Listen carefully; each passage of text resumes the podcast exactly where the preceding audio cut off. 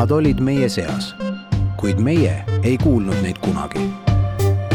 Levila uuris, kuidas elasid geid nõukogude ajal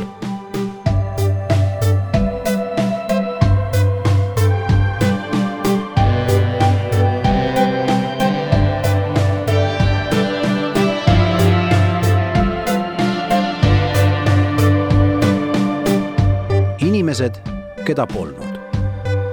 loo autor Eero Epner. esimene osa.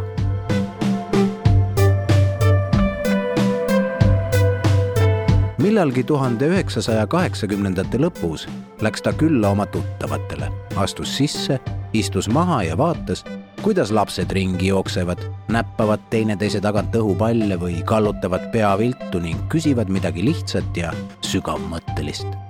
miks mind sellest ilma on jäetud, mõtles ta. Tõusis ja lahkus. Läks oma koju, kus elas üksinda. sinna polnud tulnud veel ükski naine ega mees või kui oligi, siis polnud ta ööseks jäänud. naisi ta ei oodanudki, kuid mehi ei julgenud kutsuda siiani on üksi elamine ja oma seksuaalsuse teadlik allasurumine tundunud ainumõeldav, kirjutab see mees tuhande üheksasaja üheksakümne esimesel aastal. ta oli umbes kolmekümne aastane, insener, elas Tallinnas. Kuigi armastas mehi, oli ühiskonna silmis ainumõeldav kooselu naisega. kusagil seal ajaloo pimeduses ta istub, mees võimatute valikute vahel, kes ei saa olla see, kes ta on ja see, kes ta peaks olema, ta olla ei saa olen püüdnud sellega leppida, sest mida muud mul teha ongi, kirjutab ta sinise pastapliiatsiga ning sellest õhkub ütlematagi mingit kurbust. ta tahaks lapsi, see on tema jaoks üks elu eesmärk, kuid ta ei usu, et seda eales juhtuda saaks. mis oli selle inseneri nimi, ei saa me kunagi teada. ainus, mis temast on jäänud, on ühe ankeedi koltunud leheküljed. me ei saa ka kunagi teada, mida teeb ta täna. on ta õnnelik, on tal abikaasa mis soost tema abikaasa on, on tal lapsed? möödas on kolmkümmend aastat. on ta üleüldse kellelegi selle aja jooksul öelnud, kes ta on?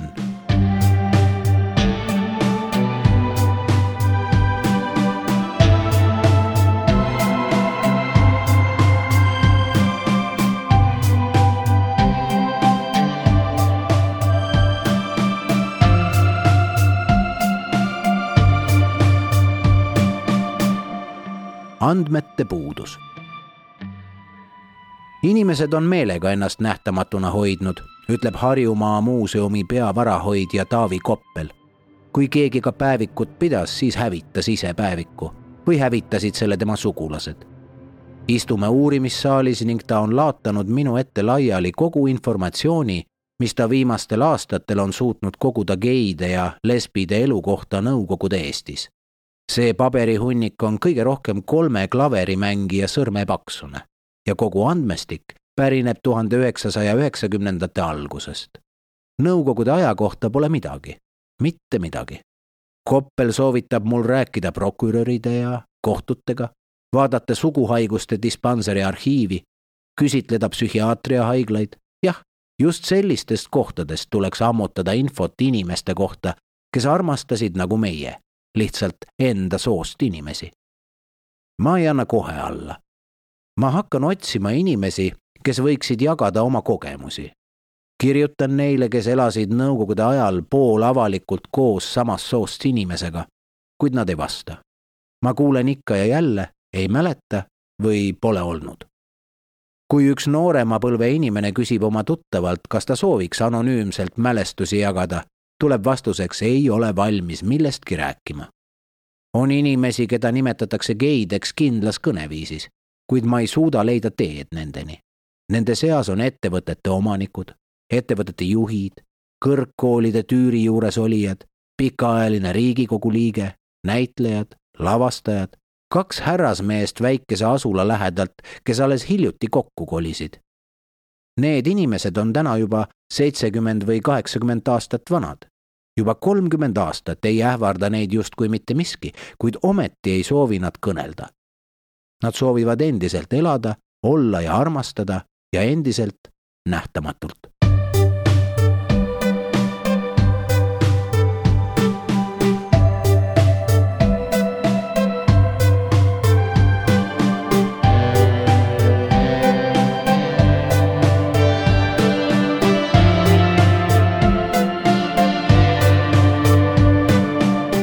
Skisofreenikud. kui ta lõpetas ülikooli, läks ta tagasi kodusaarele Hiiumaale ning hakkas ametnikuna juhatama ühte osakonda. mingeid suhteid tal ei olnud. ülikoolis käies ei teadnud, kus temasugused käivad. Hiiumaal oleks armsama leidmine olnud liiga riskantne. Läksid mitte kuud, vaid aastad. ta oli juba kakskümmend seitse ning polnud veel mitte kunagi mitte kedagi suudelnud. Siis ühel väljasõidul kohtus ta kolleegiga. mis täpselt juhtus, ei ole teada, kuid midagi juhtus. ja tagasi saarele sõitis ta väga õnnelikuna, sest ta lootis nüüd elus suuri muutusi, kuid mingeid muutusi ei tulnud.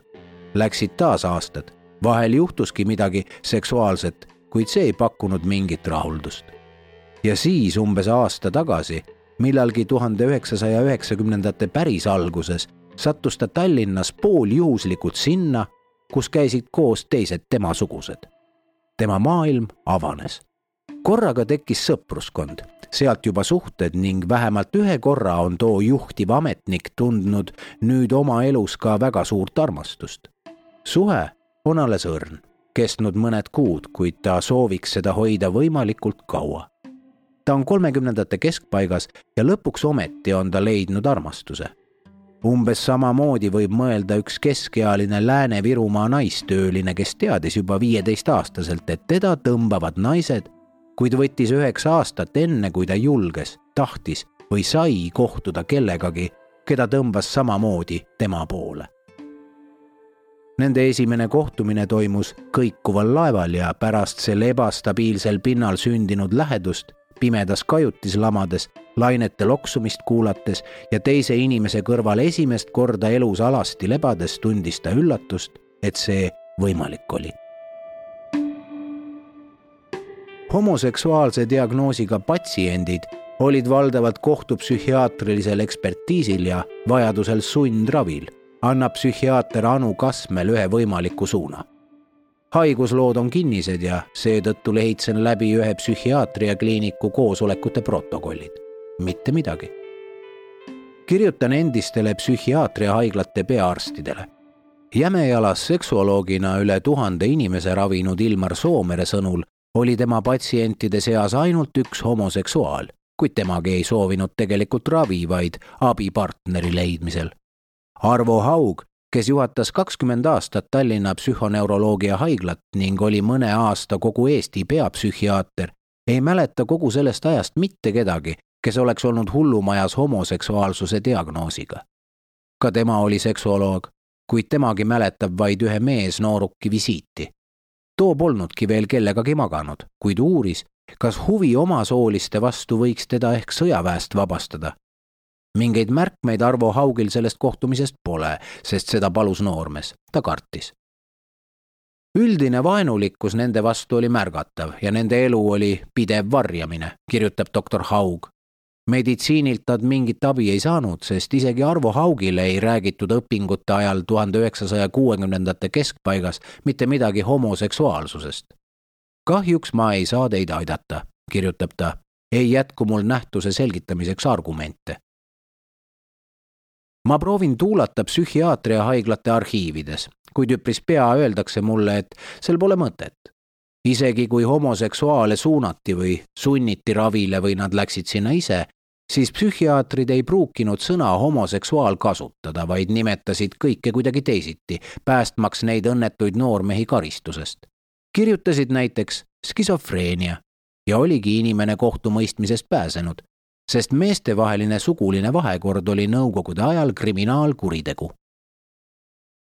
raske on kujutleda keerukamat kokteili inimlikust empaatiast ning süsteemi julmusest, kus kogu selle rõveda nõukogude vägivalla hädaoru kohale ehitati vargsi inimlikud haprad kokkuhoidmise sillad, millel kõndides riskisid nii mitmedki, kuid päästeti nii mõnedki.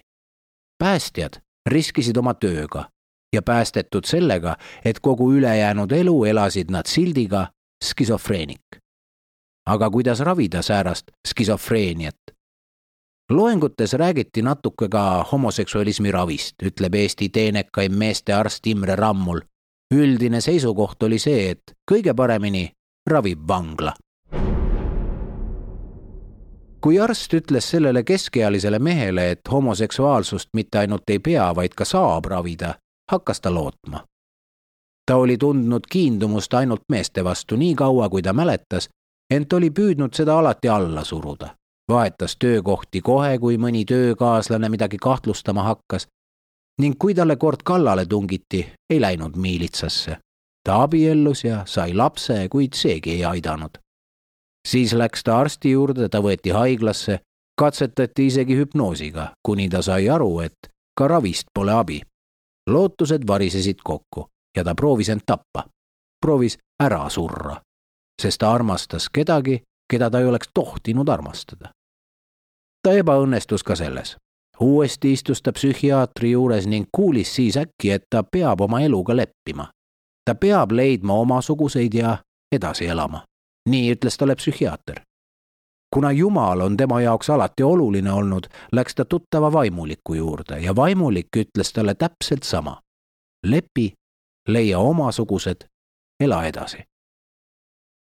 siis leppis ta iseendaga rääkis kõigest ka emale ja mõlemale õele ning nad võtsid rahulikult, toetavad teda ja aitavad varjata seda hirmsat saladust isa ning venna eest kui ta tunneb vajadust veel kellelegi rääkida, siis ei helista ta usaldustelefonile, sest seal soovitati omapära kindlasti välja ravida. selle asemel räägib ta täiesti võõrastega, juhuslikele inimestele näiteks restoranides. enesetappu pole ta enam üritanud. teadvustades ja leppides olukorraga on hulga kergem, kirjutab ta. mõned leheküljed pärast lauset kõige hirmsam on üksindus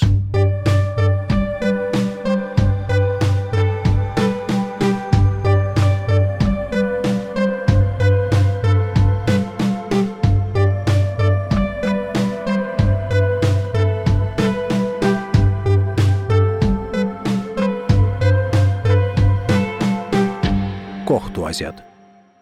pikaaegne prokurör Heino Tõnismägi on juba kaheksakümne kahe aastane, kuid kohtumisele tuleb ta lasketiirust. relvaluba vajas uuendamist ning probleeme ei tekkinud, tema nägemine on endiselt selge ja sihik paigas. ta kannab kahte ruudulist särki ülestikku, räägib rahulikult ja selgelt ning vajadusel kordab üle mõned olulisemad mõtted. seks on küll hea sulane, aga väga halb peremees ütleb ta ja tõstab sõrme püsti, justkui oleks taas kohtus. ta on meie kohtumiseks ette valmistanud nagu järjekordseks kohtulahinguks, mida ta on aastakümneid tagasi pidanud sadu. Tõnis Mägi võtab särgitaskust kokku volditud paberilehe, kuhu on kirjutatud üles kõik olulisemad mõtted homoseksuaalsuse kohta ta räägib näiteks Freudist ja teaduse kolmest tasandist on need ise välja uurinud, sest homode kohta ei teadnud ta omal ajal midagi. Neist ei räägitud tema kodus ega koolis, isegi ülikoolis kohtupsühhiaatria loengutes teemat ei puudutatud ja seetõttu tunnistab Tõnismägi, et ta lihtsalt ei mõistnud homosid.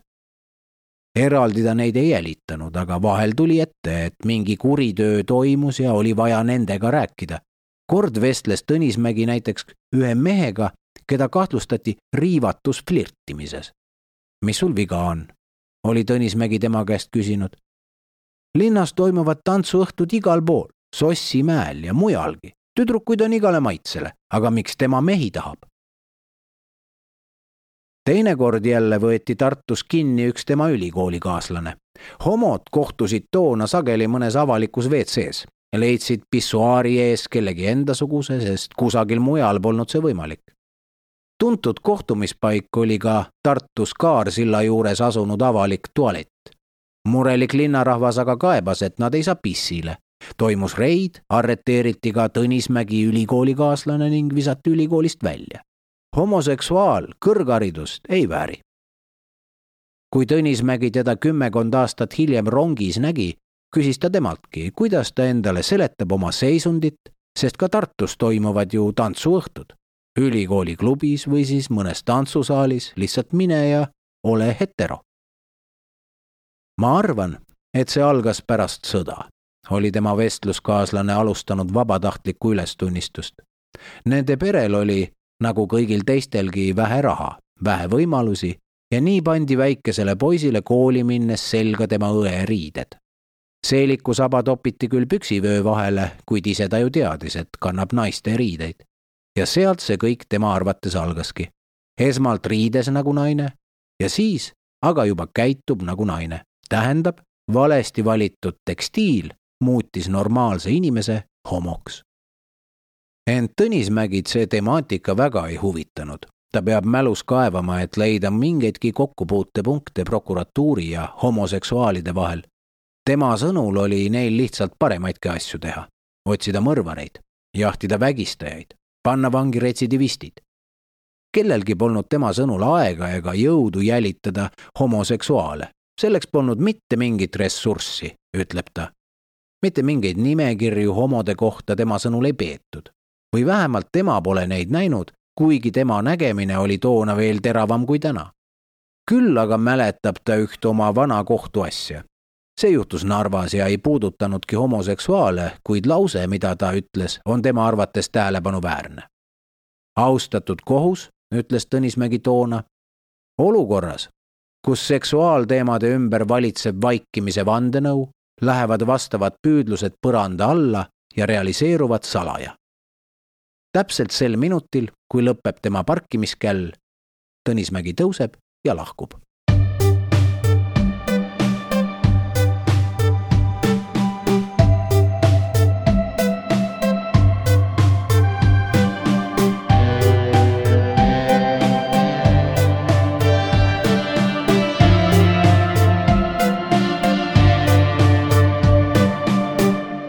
banaanikast täis vaikust.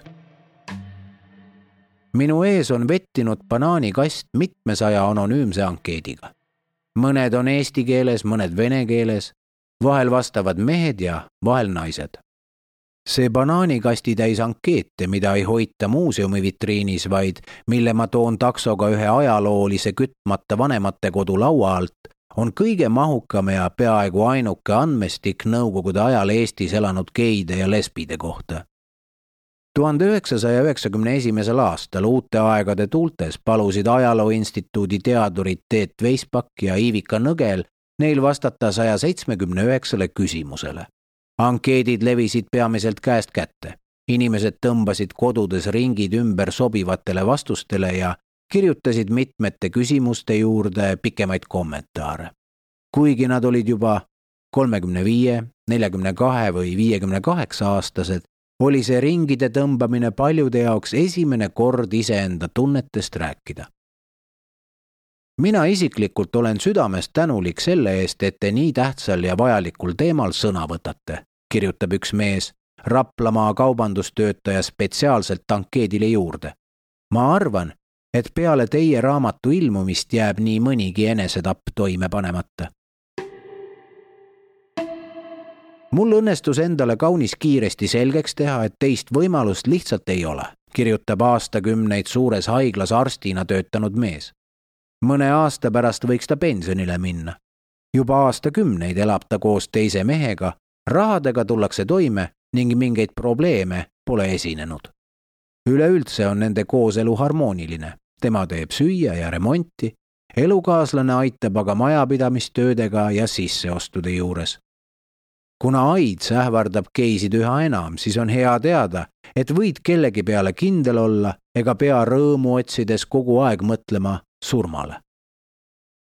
oma elus ei ole see vanaldane arst kunagi tundnud muud tõmmet peale kiindumuse meeste suhtes kaugele ajaloo hämarusse on vajunud omaaegsed probleemid tunnistamisega, kes ta on. möödas on vintsutused miilitsas, möödas on ema katsed voolusuunda muuta, möödas on huligaanide tülitamised ja möödas on nii soov lahkuda Eestist kui ka hirm kriminaalkaristuse ees. tema praegune elu sobib talle kõige paremini. jah, unistada võiks ju veel paljust, kuid ta on juba nii vana, et see oleks kohatu. see on, mis on Te ei leia midagi. midagi säärast öeldakse mulle kohtutest ja prokuratuurist. jaa, te võite arhiivis ringi vaadata, kuid isegi prokurörid muutsid sageli paragrahvi, et kedagi ei mõistetaks süüdi homoseksualismi eest, sest vanglasse sattudes oleks need noormehed tehtud pulbriks. ma tahaksin teada, mis tunne see on, kui sa pead kedagi kohtu ees süüdistama ja samal ajal pool sinust tegeleb hoopis tema päästmisega. kuid ma ei leia mitte kedagi. Juba tuhande üheksasaja seitsmekümne üheksandal aastal uurijana prokuratuuri tööle läinud Ene Timmi, kes siirdub sügisel pensionile, ei mäleta ühtegi korda, mil kedagi oleks homoseksualismi eest süüdi mõistetud.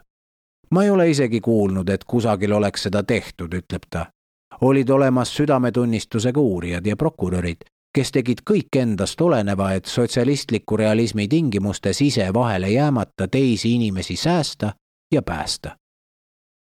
Pärast mitmenädalast otsimist leian mõned toimikud. Need puudutavad vange. kaks meest käisid pidevalt teistest eemal omavahel olemas ja kui nad tabati, tunnistasid nad kohe kõik üles, kuid siis mõtles üks ümber ma ei kujuta üldse, et ma sellist asja teeksin, ütleb ta. see peab loom olema, mitte inimene.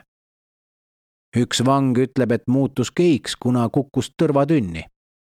Leian tunnistuse, et keegi olevat WC-s žiletiga tahtlikult oma peenist vigastanud, sest siis ei kahtlustata teda homoseksualismis. see on ka enam-vähem kõik. võib-olla teen kehva uurimistööd, kaevan valedes kohtades, olen liialt pealiskaudne kuid ka pärast kuudepikkust uurimist ei leia ma erilisi tõendeid selle kohta, et Eesti NSV-s oleks homoseksuaale miilitsa, kohtute ja prokuratuuri poolt süstemaatiliselt taga kiusatud. tõsi, seksuaalvähemuste ajalugu uuriv Rebecca Põldsamm, kes on teemaga juba mitu aastat tegelenud, on leidnud tänaseks kuuskümmend seitse kaasust ja sada viiskümmend viis süüdimõistetut ning see pole ilmselt kõik see, et homoseksuaale üldse ei karistatud, on müüt ning Põldsami sõnul on ka nende päästmine veidi suurem müüt, kui asi väärt on. ometi on selge, et ka kõige rangemas vägivallasüsteemis on alati võimalus säilitada inimlikkus, kirjutada arstina vale diagnoos, sõnastada prokurörina teine paragrahv, aidata neid, kes pole mitte milleski süüdi peale selle, et nad on need, kes nad on ja kelle ainsaks võimaluseks pääseda on enese mahasalgamine. ära ütle, kes sa oled, vaiki, sind ei ole olemas.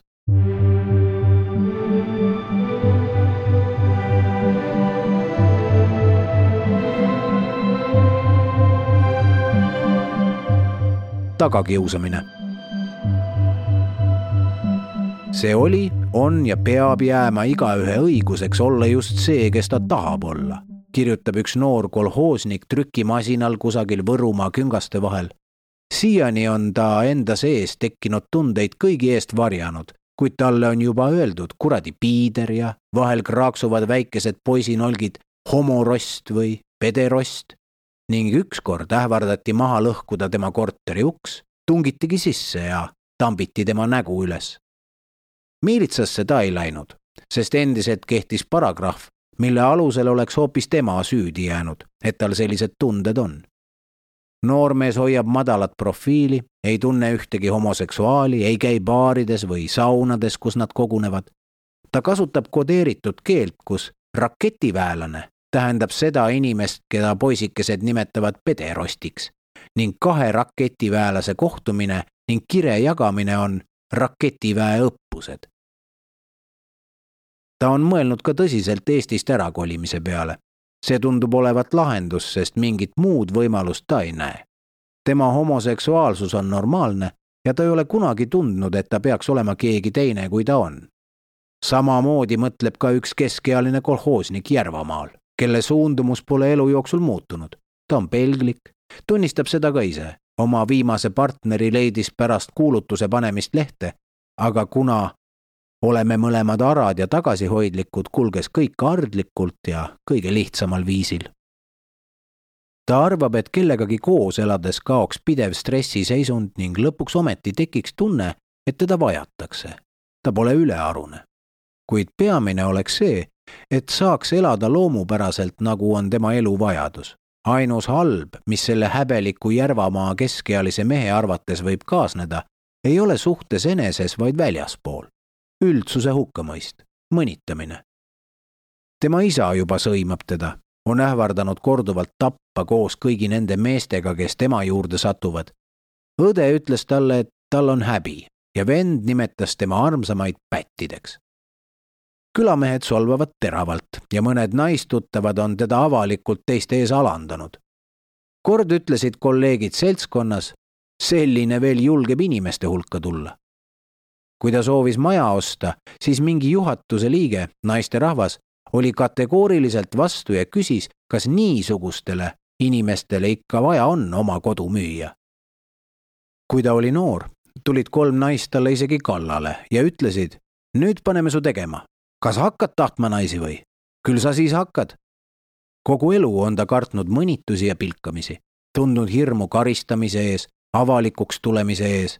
Ta on tundnud end kohutavalt üksiku ja ülearusena.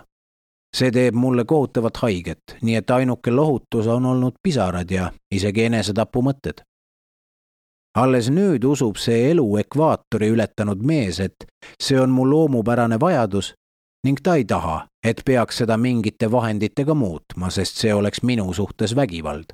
ta unistab sõbrast, kes ei kardaks neid ütlemisi ja kui olla sellise sõbraga koos, siis ei häiriks mind kellegi ütlemine. seda, et sama tunneksid ka kõik teised, see mees ei usu. enamus inimesi ei tunnista, et vähemusel peaks olema õigus elada nii, nagu seda peab endale normaalseks vajaduseks, kirjutab ta kusagil Paide kandis mõtlikult või kurvalt rahulikult. Tuhande üheksasaja seitsmekümne üheksandal aastal uhtus üle meie väikese ja niigi palju kannatanud vabariigi süüfilise laine. koguneb spetsiaalne komisjon, kus laua taga istuvad lisaks arstidele ka inimesed prokuratuurist või siseministeeriumist. paberid võetakse ette ja kästakse rohkem kontrollida kõiki riskigruppe, prostituute, taksojuhte, hulkureid raudteelasi, tööpõlgureid ja šveitsereid. Narvas tuleks uurida sissesõitjaid ning Põlvas autojuhte ja Raplasse tuleks juurde tuua arste, sest muidu Rapla külvab vabariigi süüfilist täis. ent peaaegu kusagil ei mainita homoseksuaale. märgitakse küll, et süüfilise levikule on, nagu ikka, kaasa aidanud laulupidu ning tuhande üheksasaja kaheksakümne kolmandal aastal leitakse Tartus, et suguhaiguste vastu võitlemisel on kõige tõhusamateks meetoditeks kinofilmide näitamine ja Vanemuise teatri töötajate profülaktiline kontroll, kuid geidest mitte sõnagi. kui lõpuks nimetatakse riskirühmana homoseksualiste, ei osata aga välja pakkuda, kuidas nendeni jõuda, sest puuduvad andmed homode kohta. teemast hüpatakse üle ning räägitakse parem küsimusest, kas AIDS levib sääskede kaudu ning soovitatakse avaldada meelespeade süüfilis ning gonorrea kordustrükid. see on kummaline. Lätis on tehtud kindlaks koguni kaks omaaegset registrit homoseksuaalide kohta. ühte peeti Riia linnavalitsuse juures, teist aga naha- ja suguhaiguste dispanseris. Nõukogude riik soovis, et oleksid nimekirjad ja pandaks hoolikalt tähele, kes suudleb kellega, sest poliitikat tehti magamistoas kui tuhande üheksasaja kaheksakümne neljandal aastal märgatakse, et Tartus on homoseksualistide seas levimas üks suguhaigus, võtab sõna siseministri esimene asetäitja ning ütleb, homoseksualism on globaalne probleem. puhkeb arutelu, kuidas nendeni jõuda. Neile ei tohi läheneda kurjaga, ütleb üks vabariikliku komisjoni liige.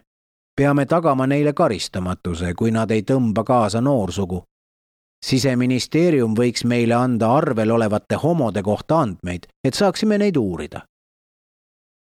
ja siseministri esimene asetäitja lubab, peab kontrollima, kas masinasse on kodeeritud andmeid homode kohta. kui andmeid on, anname üle meedikutele, jätkame ühist tööd. tähendab, isegi kõrge ametnik ei teadnud, kas mingi register on. ma küsin siseministeeriumist, kuid ka sealsed kogenud töötajad laiutavad käsi Nad pole kuulnud. sama kordub justiitsministeeriumis, kohtutes, prokuratuuris. kuidas on see võimalik? ometi ju eeldati, et mingid registrid on, arstide blankettides on spetsiaalsed tühikud ja tuhande üheksasaja seitsmekümnendate lõpus võetakse Viljandis vastu nelja aasta kompleksplaan, kus kästakse muuhulgas tõsta pederastia uurimise kvaliteeti. vaja, et siseministeerium annaks maksimaalselt informatsiooni et võtta see seltskond pihku koos prokuratuuri ja justiitsorganitega, ütleb ühel hetkel vabariigi terviseminister Tartus kohustatakse miilitsat, et see peab informeerima dispanserit homoseksualistidest ning ühe komisjoni lõppjäreldusena tunnistatakse, et nende väljaselgitamisel tuleb teha tihedamalt koostööd prokuratuuri, hullumajade ja miilitsaga. see tähendab, riik tahtis homoseksuaale jälitada. Nad tahtsid pidada registreid, teada liikumisi, sest nagu ütles esimene asetäitja, inimesed, kes armastavad teist inimest, on globaalne probleem. miks sääraseid registreid ei peetud või on nad kaduma läinud? oli see ajapuudus, ressursside vähesus, teadmatus või ei tohtinudki NSV Liidus olla homoseksuaale ja seetõttu ei hakatud neid ka avalikkuse ette tirima?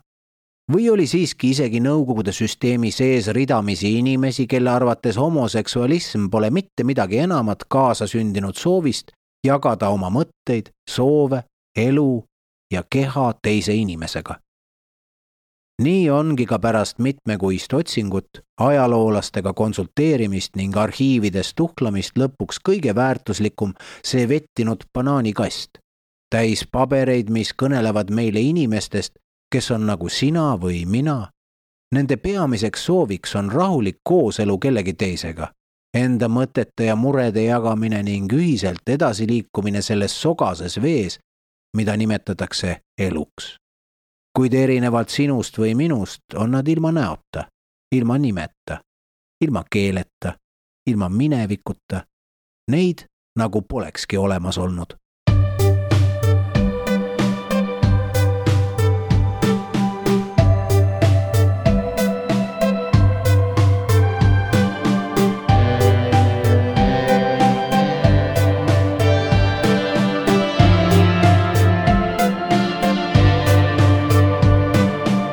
Naised.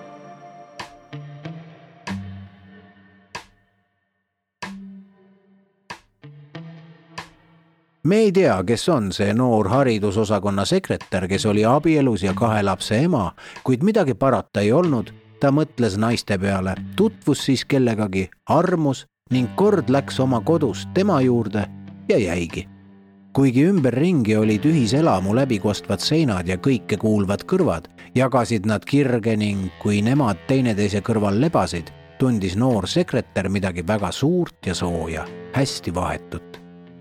tema jaoks oli see nii suur nauding ja elamus, et ta ei unistanud enam muust, kui saaks teisele sellist naudingut pakkuda ja seda tunda nii läbi enda kui tema. nii ta kirjutabki, tema alati suurtähega nagu keegi kirjutab Jumal või maestro. ta peab oma armsamast lugu ning kuigi ema keelab ja tahab teda Paldiski maantee hullumajja saata, ei kuula ta sõna ja kolib temaga kokku. lahutus on ränk. tema lesbilisuse tõttu tahetakse tal lapsi ära võtta. ta ei kahetse midagi. muidugi on neilgi raskeid aegu, vahel sugenevad tülid raha pärast, vahel tõmbutakse turri armukadedusest, kuid olen oma eluga rahul, kirjutab ta sest koos on kergem igas mõttes. kui armastad teist inimest, on sul teda kogu aeg vaja näha ja tunnetada enda kõrval. ja lisab siis hüüumärgiga varustatuna selle kõige olulisema sõna. õnnelik.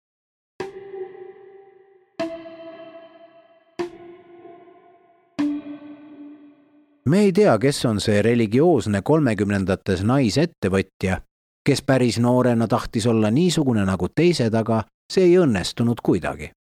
alles kolmekümne kolme aastasena julges ta kirjutada kellelegi, helistada, nad said kokku linnas ning juhtus see, mis juhtuma pidi. tunne oli kirjeldamatu, maksimaalselt fantastiline. kuni selle õnneliku hetkeni oli see naine end pidanud hälvikuks, ta püüdis end muuta.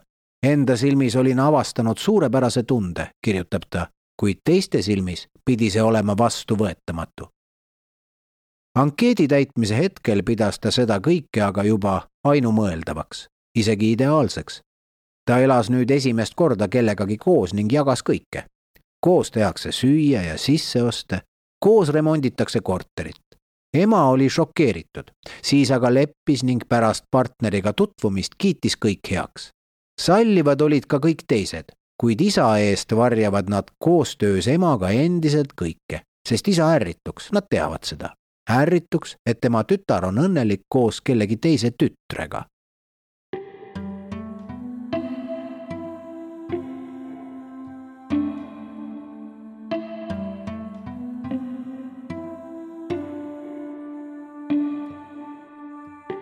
me ei tea, kes on see juba üle kuuekümne aastane linnas elav vaikne pensionär, kes kogu elu tundis huvi ainult oma soo vastu, kuid ei rääkinud sellest mitte kunagi mitte kellelegi ei maininud seda ka oma emale ja isale, kes surid teadmisega, et nende tütar on nagu kõik teisedki. kuid tütar oli esimest korda naisega juba üheksateistaastaselt, oli rahul ja õnnelik ning järgmistel aastatel tekkisid tal suhted naistega. tutvus nendega seltskonnas või turismireisil või helistas ise ja kutsus kohtamisele mõni suhe kestis lühemat aega, mõni aga päris pikalt. Üle kahekümne aasta oli ta armsaim inimene ühele teisele naisele. vanemate, sõprade ja sugulaste teadmata. kuigi töökohas laksutati juba keelt, astus ülemus tema kaitseks välja, lõpetas klatši ja mingit muud tagakiusamist pole see pensionär kunagi kogenud. Pole kogenud, sest mitte keegi pole mitte kunagi mitte midagi teadnud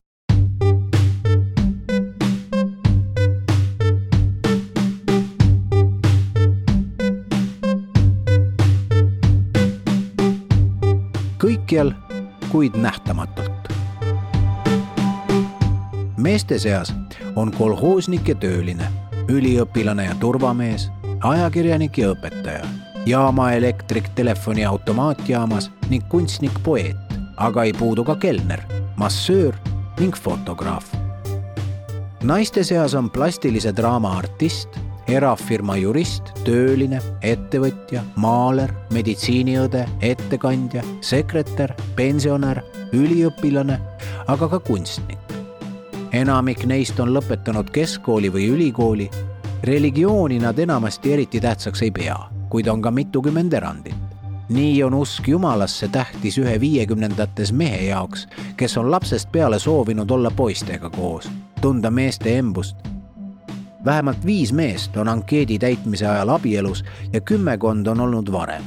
sageli on see pettemanööver avalikkuse ja lähedaste ees, pääsemaks nende hukkamõistust, solvangutest või millestki veel hullemast.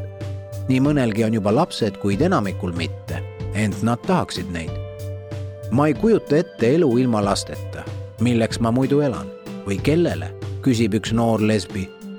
ma olen naine kirjutab teine lakooniliselt põhjenduseks armastan väga lapsi, kirjutab üks mees. ma arvan, et on vaja tõsta oma rahva iivet ja seetõttu peaks iga Eesti kodanik tooma mõnegi järglase, teatab noor TV-mehaanik Lillekülast. vahetevahel, eriti üksi olles peale külaskäiku mõnda perekonda, tunnen hirmu üksinduse ees vanaduspõlves, tunnistab üks ankeet ning üks kolmekümnendates eluaastates tööline kirjutab lastele isegi raadiosse pidevalt muinasjutte kuid on ka neid, kes lapsi ei soovi. tahaksin, kirjutab üks noor naine ja lisab siis. leian aga, et mul puudub moraalne õigus. temasuguste jaoks pole lihtsalt ette nähtud. ma pole sugugi kindel, et meie eelarvamustest kubisev ühiskond ei hakka neid diskrimineerima, kirjutab üks mees. ühiskonna hetkeseisund seda ei soodusta. muidu võiks neid mitu olla, lausub üks keskealine ametnik. ei soovi võimatut ütleb keegi tundmatu lakooniliselt ja lõplikult. mehed ongi oma vastustes traumeeritumad kui naised. Neid on rohkem sõimatud, neid on pekstud, mõnel üksikul korral on neid üle kuulatud ja ravitud ning nad on sageli arvanud ka ise, et neil on midagi viga. seetõttu on mehed ka palju rohkem vaikinud ning kui nüüd saab, siis nad kirjutavad pikalt, palju pikemalt kui naised. miski, mis on olnud neis väga alla surutud, saab esimest korda välja, aga kui see ilmub, siis on seal vähem hoogu ja elurõõmu kui naistel. Ja ilmselt on neil kõigil Nõukogude infopuuduse pimedas toas palju vähem teadlikkust, kes nad üleüldse on või kuidas nende identiteeti sõnastada. lesbid kohtuvad oma partneritega pidudel, koolis, tuttavate pool või ristluslaeval Portugalis homod aga silmatorkavalt sageli kusagil ühiskonna äärealadel, rannas, saunas või avalikes tualettides. naised räägivad oma suhetest turvatunde ja hoidmise kaudu, mehed on seevastu kehalisemad. minu maitse on enam-vähem välimusega, tumedapäised, tagasihoidliku käitumisega noormehed, kirjutab üks. kõige rohkem erutab mind lähedases vahekorras olles sõbra sigaretisuitsu järgi meeldivalt lõhnav soeng mulle meeldib ka väga suudelda, püüan sõbraga ümber käia, nagu kallihinnalise kristallvaasiga. nii mitmedki ütlevad, et nad olid alati kuulnud, lugenud ja seejärel omaks võtnud, et homoseksualism on kohutav. ma suhtusin sellesse kui psüühilisse haigusse, mida tuleb ravida, kirjutab üks vastanutest. ent teised vaatasid asjadele sootuks rahulikumalt.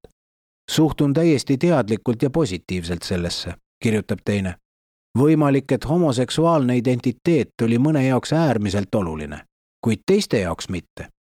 kelleks nad ennast pidasid? kuidas ennast nimetasid? kes olid nad nende enda arvates?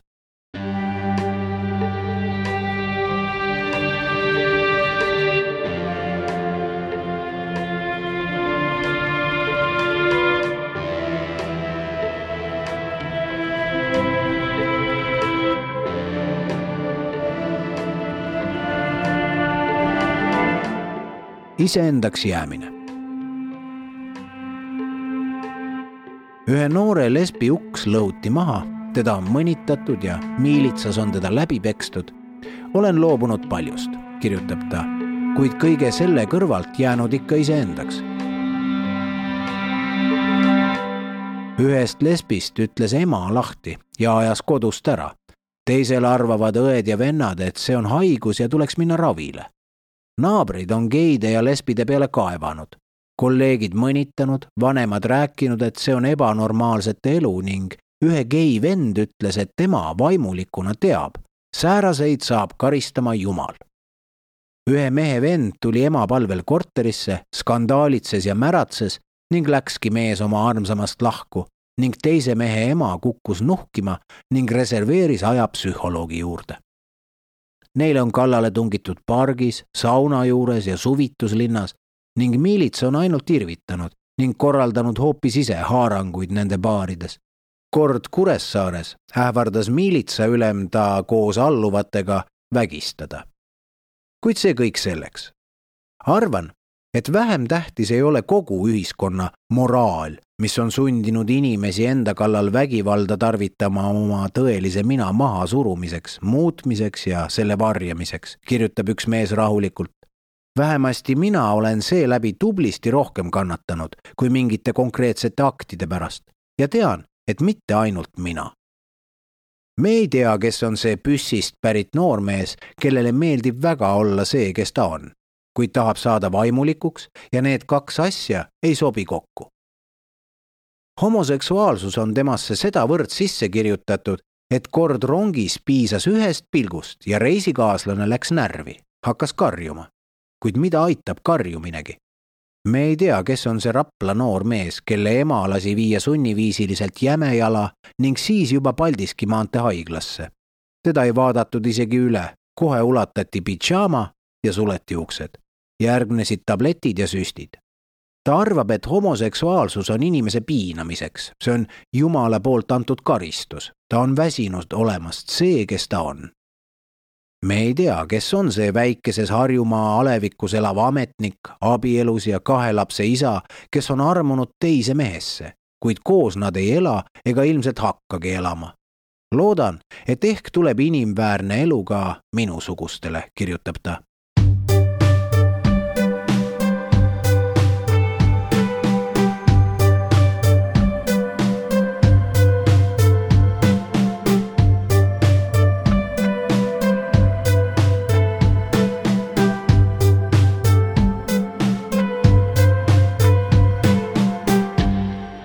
muutumise võimatus. nii mitmedki on tahtnud muutuda. ei, mitte sellepärast, et nad oleksid end õnnetuna tundnud. Nad tundsid hoopis head ärevust ja naudingut, õrnust ja hämmeldust ja midagi, mis oli sõnul seletamatu.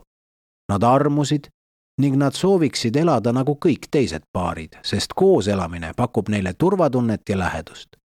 ma tunnen, et mu kõrval on iga sekund keegi, kellega võin suhelda, kirjutab üks keskealine naine. paarisuhe teeb mind tähelepanelikuks nii enese kui ka teise suhtes. koos on ikka hea olla, üksindus masendab. koos elades on kergem lahendada probleeme ja väheneks egoism, see annaks elule mõtte ning poleks enam igav. sind armastatakse ja sa ise armastad ning jah, meeldiv on käia koos teatris ning kinos, jaotada kodutöid õhtul kedagi koju oodata ja kaob ära vajadus otsida, kust leida täna õhtul keegi, kelle kõrval uinuda. kui ankeedis küsitakse nende käest, kuidas nad praegu iseendasse suhtuvad, siis kirendavad ankeedid sõnadest hästi, rahulikult ja positiivselt. teisiti elada ei oska ja ega ei soovigi, hõiskab üks inimene. kuid ometi on paljud mõelnud Eestist lahkumise peale. Enamik ei ole kellelegi mitte midagi rääkinud. üks noor tööline tundis, nagu tänaval kõik vaataksid teda ja naeraksid tema üle. ühel hetkel kartis ta isegi, et teda loobitakse kividega surnuks. ta soovis muutuda kellekski teiseks, kellekski, kes ta tegelikult ei ole, kuid keda ühiskond aktsepteerib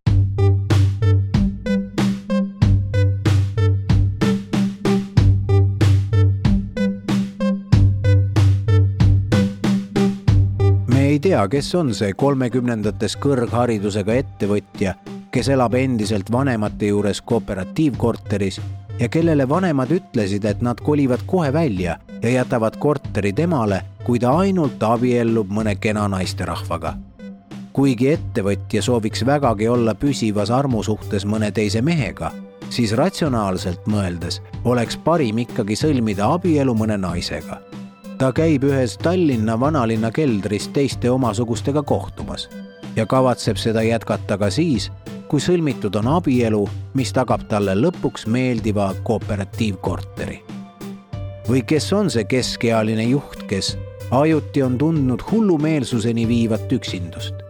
kord läks suguhaiguste dispanserisse, seal nõuti tema armastatu kontakte ja kui ta neid ei andnud, lukustati ta uste taha ja hakati statsionaarselt ravima. neli korda küsitleti, ähvardati. probleemid tekkisid nii töö juures kui ka vanematega. vaevu õnnestus jätkata kõigi eest varjamist, kes ta tegelikult on. nüüd on tal lõpuks ometi suhe ühe mehega. too elab sadade kilomeetrite kaugusel ja nad kohtuvad kord kuus. koos veedetakse puhkused ning näidatakse enda armsama sõpradele. ilmselt elavad nad kusagil Põhjamaades, sest seal teavad kõik ning suhtuvad hästi. jah, seal kaugel on nende inimestega kõik hästi. seal kaugel on need inimesed olemas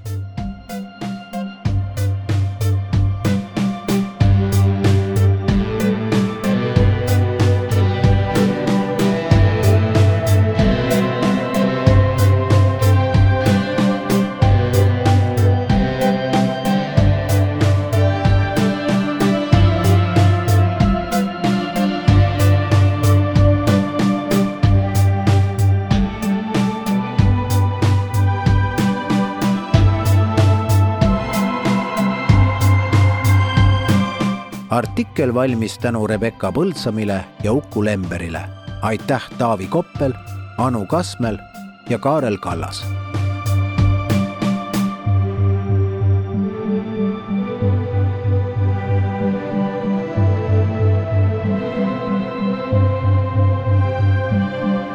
loo autor Eero Epner, luges Taavi Eelmaa, helikujundus ja originaalmuusika Janek Murd Levila kaks tuhat kakskümmend üks